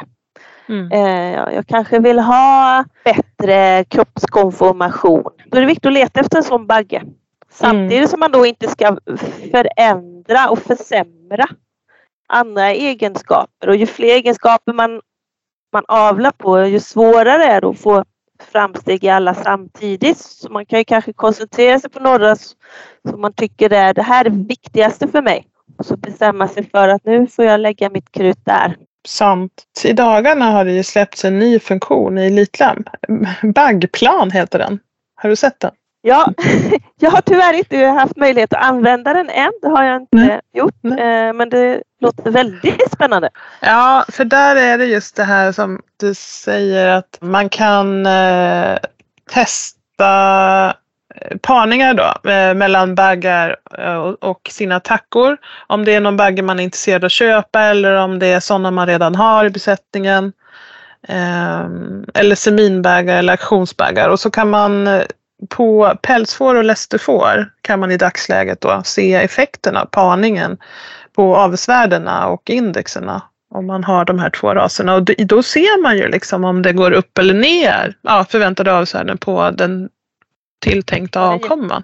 Den funktionen kommer ju verkligen att visa direkt nyttan av avelsvärdena och man kan även då skapa beteckningsgrupp direkt sen då är tanken utifrån det. Så man gör liksom flera steg i ett. Och, eh, så det, det ser jag fram emot. Ja, det verkar fantastiskt jättebra. Ja, men brukar du skriva ut um, som, eller skriva, alltså titta i Elitlän på djurlistor på dina tacklam till exempel på vissa avelsvärden som är viktigast för dig och liksom eh, kolla, ja men det här, de här är, ja, de här ska det, jag rekrytera. Ja, jo men det, det gör mm. jag ju. Först, först gör man ju alltid en första uttagning eh, där man tar ut lite fler än vad man kanske ska ha och där man ser att de har en, en mamma som har visat goda modersegenskaper och jag ska ha ett exteriört korrekt tacklam.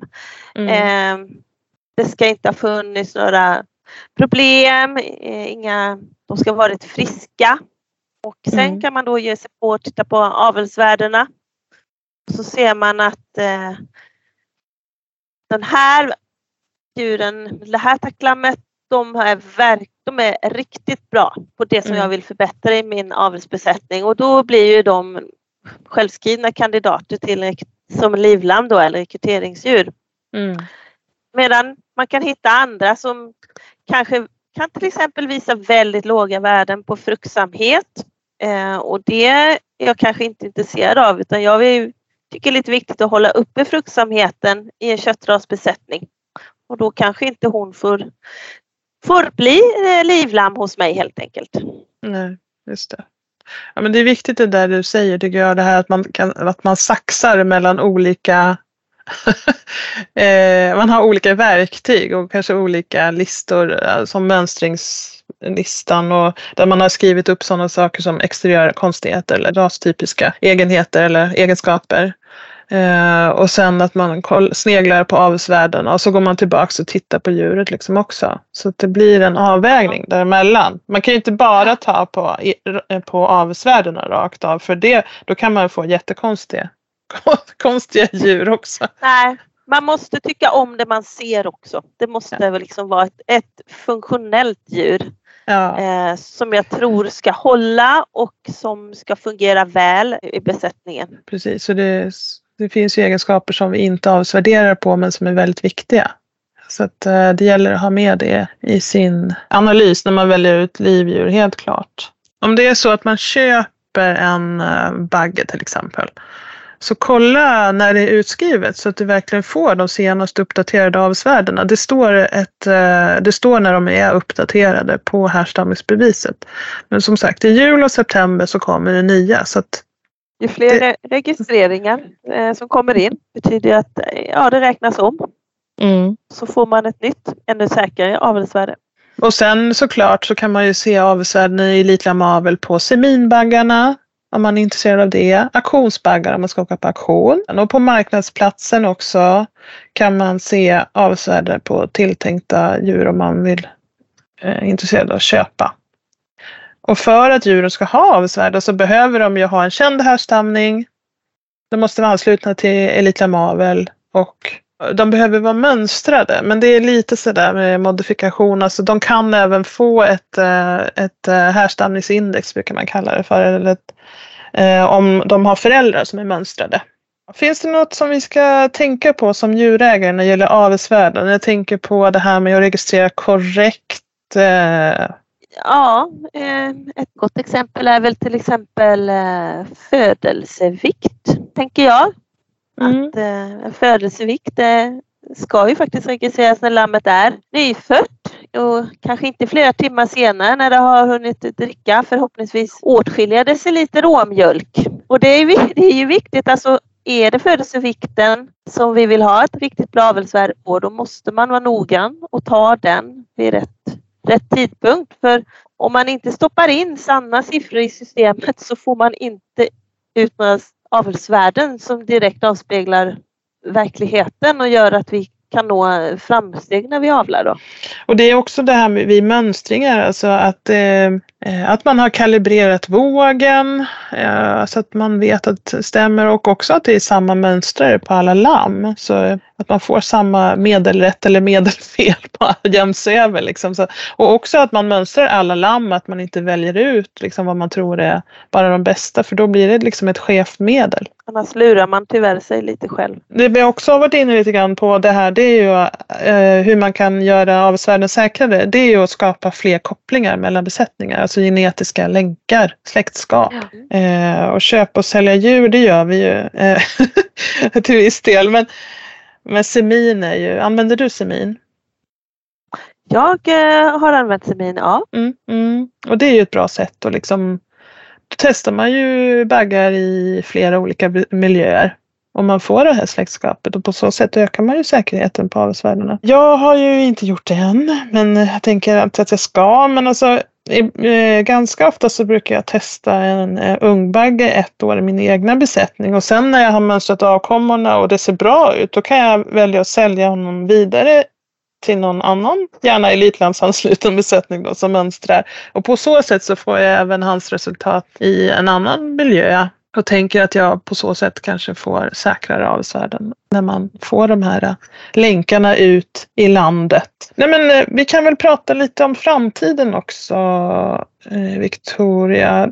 Vad... Ja. Eh, alltså i våras på Fåravsförbundets avelsutskottsmöte så pratade vi just om avelsvärderingen och vi fick också se lite den, för några raser den genetiska trenden. Hur, alltså förbättrar vi populationen för de egenskaper som vi avelsvärderar på? Går det framåt? Eh, och det är ju jätteintressant. Och vi, fick, vi har också under sommaren här haft möjlighet att lämna från rasföreningarnas håll, lämna in feedback på frågor om vad vi önskar för framtiden. Men vad tänker du där? Nya egenskaper avelsvärderat på? Ja, eller annat? tänker så här att till exempel modersegenskaper är en väldigt viktig egenskap. Att tackan tar väl hand om sina lamm. Och ju fler får man har och man har kanske en intensiv lamning, ju viktigare är det att man har så självgående och duktiga attacker som möjligt för att det ska bli ett bra resultat och en god djurvälfärd och en god bondevälfärd också. Mm. För dygnet ja. har ju bara 24 timmar. Eh, och, och krångel tar mycket tid.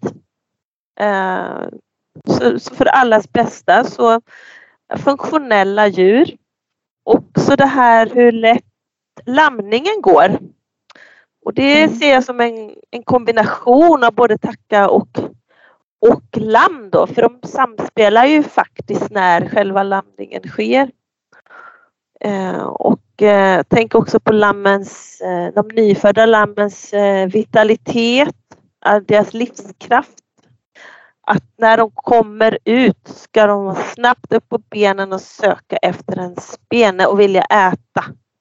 Mm. Det är helt fantastiskt att se lamm som är direkt uppe och, och, och ska dia. Mm. Det löser mycket och ger en bra start. Det där är ju intressant. Jag läste en, eh, en studie från Irland i våras där de hade undersökt just lammkondition som vi använder i, ah. i Elitlamm och registrera. Eh, och just hur, hur pikt lammet är vid lamningen. Mm. Eller ja, strax efter lamning. Då. Eh, och, och man, hade, man såg ju att det hade ganska hög ärbarhet och att det skiljer väldigt mycket mellan olika baggar. Eh, eller hur snabba de är upp på benen och, Eh, så att eh, det är ju absolut någonting man kan avla på. Ja. Eh, så tänker jag också på tackornas hållbarhet. Alltså en, en tacka som kan fungera väl i många år. goda produktionsresultat, hålla sig frisk, kunna hålla ett gott hull. Det är Mm. liksom en lönsam tacka.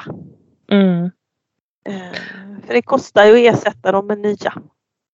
Ja, precis. För då kan man ju hålla ner rekryteringsprocenten om man lyckas, om man har tackor som eh, blir gamla, som håller länge liksom.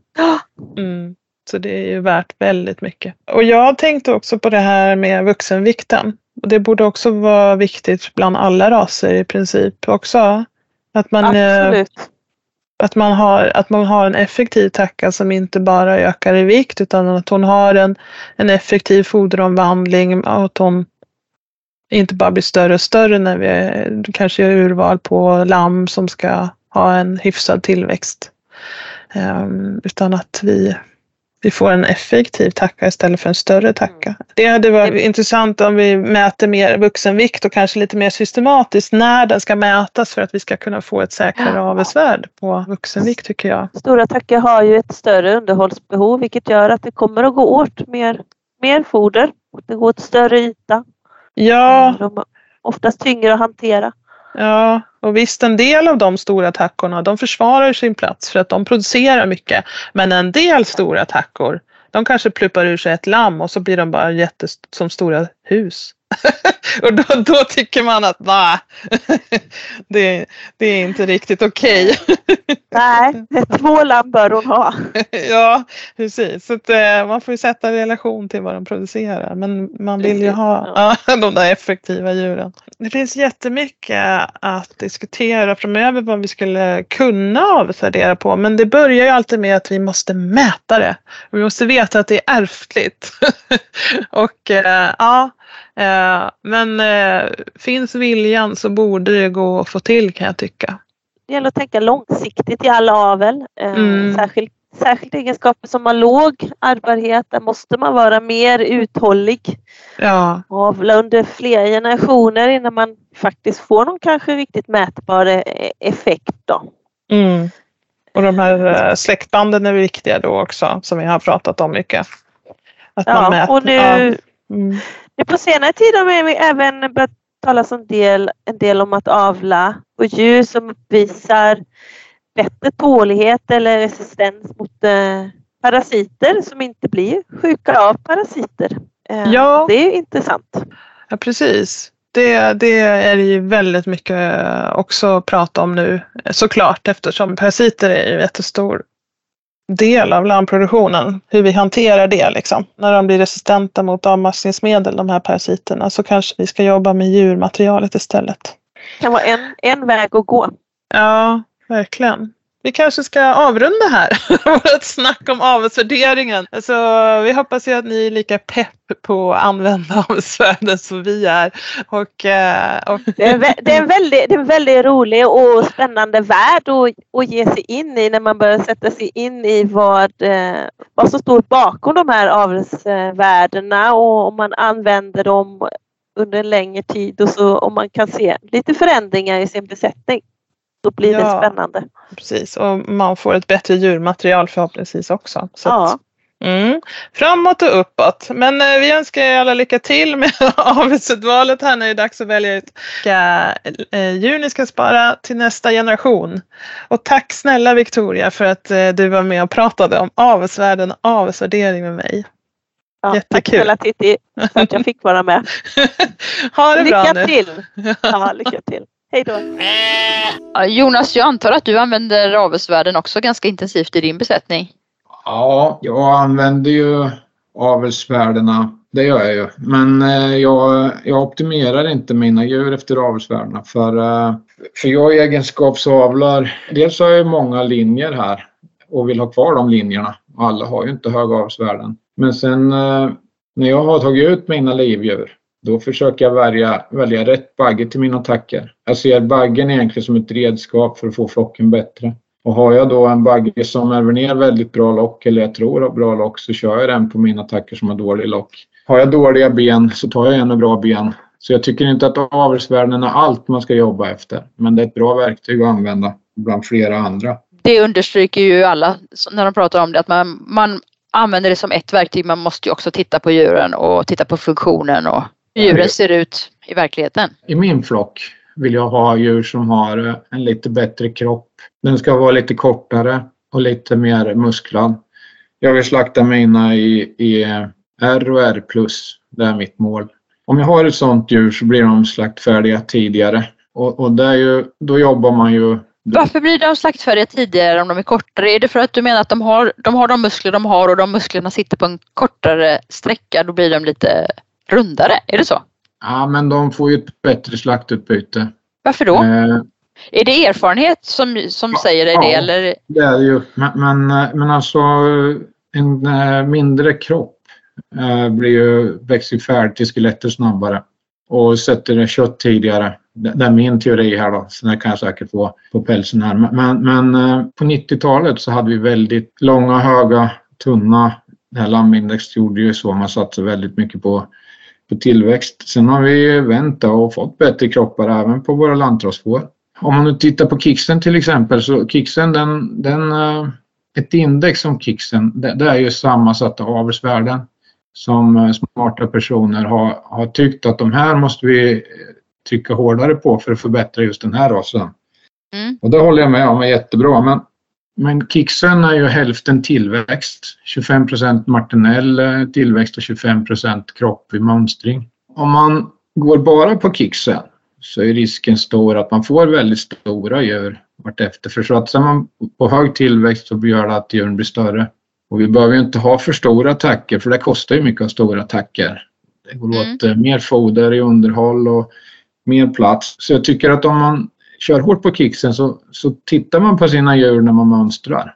Det här spelar ingen roll vilken ras man har. När man tar ut sina avelsdjur så att de har en bra kropp, då kan man köra hårt på, på, på kicksen. Det är inga problem. Men, men man får använda den med förstånd. Det är ett jättebra verktyg men titta också på, på djuren så att man inte får de här stora öppna djuren. Om det är någon som sitter här nu och funderar på vad är KIX för någonting så är det alltså ett av de där sammanvägda rasindexen som eh, finhusfår och gotlandsfår har. KIX är ett värde för köttproduktion som gotlandsfår har. Men det finns ju värde för tillväxt och kropp för alla avelsvärderade raser. Men jag blir lite nyfiken på, jag har ju aldrig varit hemma hos dig och sett dina får. Hur korta är de och hur vet hur gör du för att inte för att de ska bli för korta? Du vill ju inte ha korta skinn. Nej, så är det ju. Ja, de är väl inte hur mycket kortare som, som eh, än andras, men jag försöker att välja bort de där allra längsta som man kan se. Okay. Mm. Så jag, jag, mäter dem ju inte, gör jag inte. Men, men, men du, har någon så, du måste ha någon sorts mått i huvudet ändå som gör att när du ser djuren med de måtten som du vill ha så känner du, då blir du glad. Är det på det sättet? Då blir jag jätteglad. Jag tycker de, de ska vara harmoniska, de ska passa ihop. Men, men jag vill själv inte ha dem alldeles för långa och inte de alldeles för höga heller. För, för mitt system som jag tänker så, så vill jag hellre slakta dem i en lägre vikt och få nästan samma utbyte. För om det gör några veckor per djur eller flera veckor per djur så är det mycket jobb och mycket bete och mycket foder och så jobbar man mot ett minskande pris. Och ja. i värsta fall får man inte skinnen när de är i toppskikt. Alltså, så då, det kostar mycket. Så, så använd kicksen men eh, tänk efter lite också så, så, så blir det jättebra. Ja, intressant. Jag har aldrig hört någon argumentera på det här sättet för att ha lite kortare djur. Så det är ju kul att se om vi får några reaktioner på det. Ni får gärna, ja. ni får gärna mejla Jonas eller mig om ni, om ni vill diskutera det här. Det blir jättebra. Vi kanske kan ha en podd om det. Korta Precis. Kortare får. Är det framtiden? Ja, så vi kommenterar baggplan också. De pratar ju om baggplan i inslaget och då när det spelades in så fanns ju avelsvärdena bara in, igång för Gotlandsfår. Men nu är det för fler raser och nu kan man också faktiskt göra beteckningsgrupp direkt ur sin baggplan. Det har jag, det har jag gjort och jäklar vad snabbt och lätt det gick i år. Ja, jag, jag har också gjort det. Det var jättebra. Jag har sparat faktiskt flera dagar på det här när man har allt på samma ställe. Eh, här kan man ju testa en bagge mot alla attacker med inavelsprocenten till exempel. Eller också testar man en tacka mot alla baggar. Vill man avelsvärde optimera så kan man testa en tacka mot alla baggar och se vart det är bäst. Helt suveränt. Jag använder ju, i min lilla besättning använder jag ju ändå fyra, ibland fem baggar varje säsong. I och med att jag rekryterar egna baggar mycket så är det ju pyssel med att inte komma för högt med inavel och att kombinera rätt linjer med varandra och sådär. Så att jag lägger jättemycket tid på det här också och det var så roligt i år. Väldigt Ja, det- mycket enklare. Det var väldigt mycket enklare. Men man kan ju tänka på här att eh, om man har en bagge som man vill testa då mot sina tackor så, så finns det ju symboler för om den har gett lamm med den här tackan förut. Mm. Så det är ett eh, system som jag använder mycket och titta om, om en bagge har gett bra avkomma med en tacka så kör jag ofta den tackan igen för det brukar ofta gå bra igen.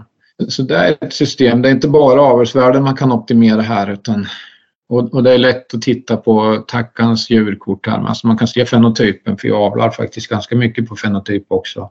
Ja, jag tycker det här var jättebra. Det var ett steg åt rätt håll. Ja, skitkul. Men du Jonas, det är en sak till jag vill prata med dig om innan vi slutar för idag. Och du har ju ska ju dra igång med korsningsavel nu igen. Så det vill jag att du berättar lite om. Ja, precis. Vi, eh, vi måste ju tänka om lite här nu när vi har parasiter och sen bor vi i ett vargrevir så, så vi kan inte hängna in hela gården här, så vi har den mark som är inhägnad till fåren. Det, det innebär att jag kan, det är svårt att beta eh, tredje skörd för då får man ju sätta upp staket för bara några veckor. Så då ska vi ha en grupp djur som eh, lammar i oktober och jag har ju haft korsningsfår förut så jag, jag vill köra med de djur jag har och jag har haft eh, Gotland Leicester korsningar förut och Gotland Finull och det tycker jag var jättebra djur. Modedjuren var Leicester Gotland eller Leicester Finull. Precis. Så, så där tänker jag försöka med igen. Och Ja. eh, då tar jag mina äldre Gotlandstackor som kanske börjar bli lite sämre. De yngre är ju ändå bättre på pälsegenskaperna. De Mm. kommer lite längre. Så då tar jag mina bra eh, Gotlandstackor som varit bra mödrar och betäcker med, med Leicester och jag ska betäcka några, några med finull. Och sen kommer jag köra en Suffolk eller Texas på det här så nu har jag köpt en Suffolk. Så det ska bli spännande. Men då undrar jag ju, när vi pratade vi förut om, om jag tänkte annorlunda på de här djuren. Mm. Alltså jag, tänker lite så med mina Gotland med. Jag vill att alla mina tacker ska vara som en individ egentligen. För ju mer djur man har så är det mycket lättare att sköta dem om de svarar likadant på de eh, handlingar jag gör med dem. Som om jag ger dem ett kilo foder så ska de eh, växa lika mycket eller ha samma hull. För det är mycket lättare att sköta sina djur då. Det måste man tänka på tycker jag. Så, så på de här, eh, när jag tar fram mina korsningstackor kommer jag använda så få baggar som möjligt. Så får jag tag i en bra bagge kommer jag köra med den länge. För då får jag ju stora dottergrupper till de här baggarna. Och då blir de ju ganska lika. För, för här kan man ju inte köra linjeavel då. då. Alltså det här är tvärt emot eh, genbanksbevarande. Du ska ha många, många tackor med liknande släktskap Precis. och, då samma en egenskaper. Ja, ja, precis. Och här skulle jag faktiskt vilja ha ett nytt avelsvärde. Ja, när jag tänker på det här avelsvärdet så kallar jag det egen fertilitet. Jag skulle vilja ha djur som tar sig på första brunsten. Om man avlar på, på fertilitet eh, på det viset, att de har lätt att ta sig dräktiga, då kommer baggarna också bli bättre och, och fertilare och kunna betäcka fler tackor. Det är ju ganska ekonomiskt. Men, men vinsten med det hela är ju att eh, jag får en kort lamningssäsong. Jag har ju mycket att göra på hösten. Jag skulle kunna lägga in någon så vi är två här och, och vakar hela tiden om, om det är en brunstcykel. Mm. Samma på våren. Istället för att man är tre, sex veckor i ladugården så kanske det blir tre. Det är ju väldigt bra. Och det är lättare sen när man vänjer av lammen också så har man en, en mycket lättare lammgrupp. De, de följer varandra hela tiden istället för att man får vänja av ett par gånger eller får väldigt mycket slaktlamm i flera omgångar. Det, ska vara lätt att sköta sina djur rätt.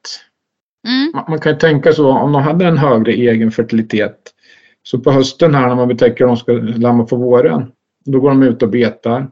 Sen börjar man med ensilage eh, ganska nära in på betäckningen. Det blir som en flushning. Det är lättare att, att inte flusha om de tar sig fort när man på hösten här. För de som är inne längre och får ännu mer bra mat innan de tar sig dräktiga. De, de, det är ju ännu större risk att man flushar dem om man inte vill flusha dem. Kommer du vilja flusha korsningsfåren men inte gotlandsfåren eller vill du aldrig flusha?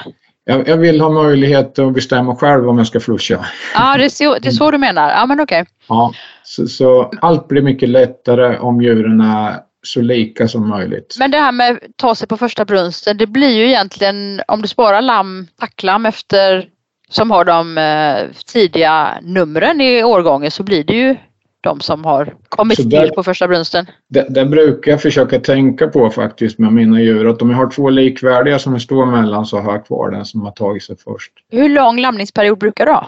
Nu har jag gjort så att det betäcker lite fler tackor och tar bort baggarna tidigare. Så i år hade jag väl fyra veckor tror jag. Ja, det är Det ganska länge, men, men du har många lamm också. Och nu har vi dragit ner på fåren så vi fick väl ungefär 360-70 lamm i år. Orkar du det på två veckor?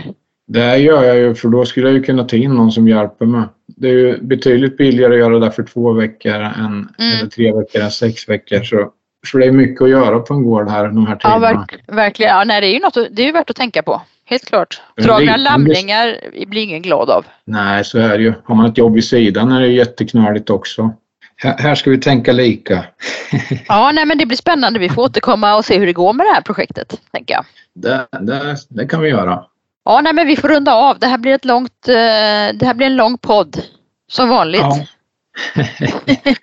Vi hörs snart igen. Fårpodden är Svenska Fåravelsförbundets podd och ni hittar länkar som anknyter till det här avsnittet på hemsidan. Och hör gärna av er till oss. Det finns kontaktuppgifter där till oss som gör podden.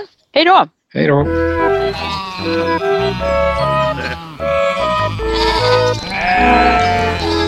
Äh.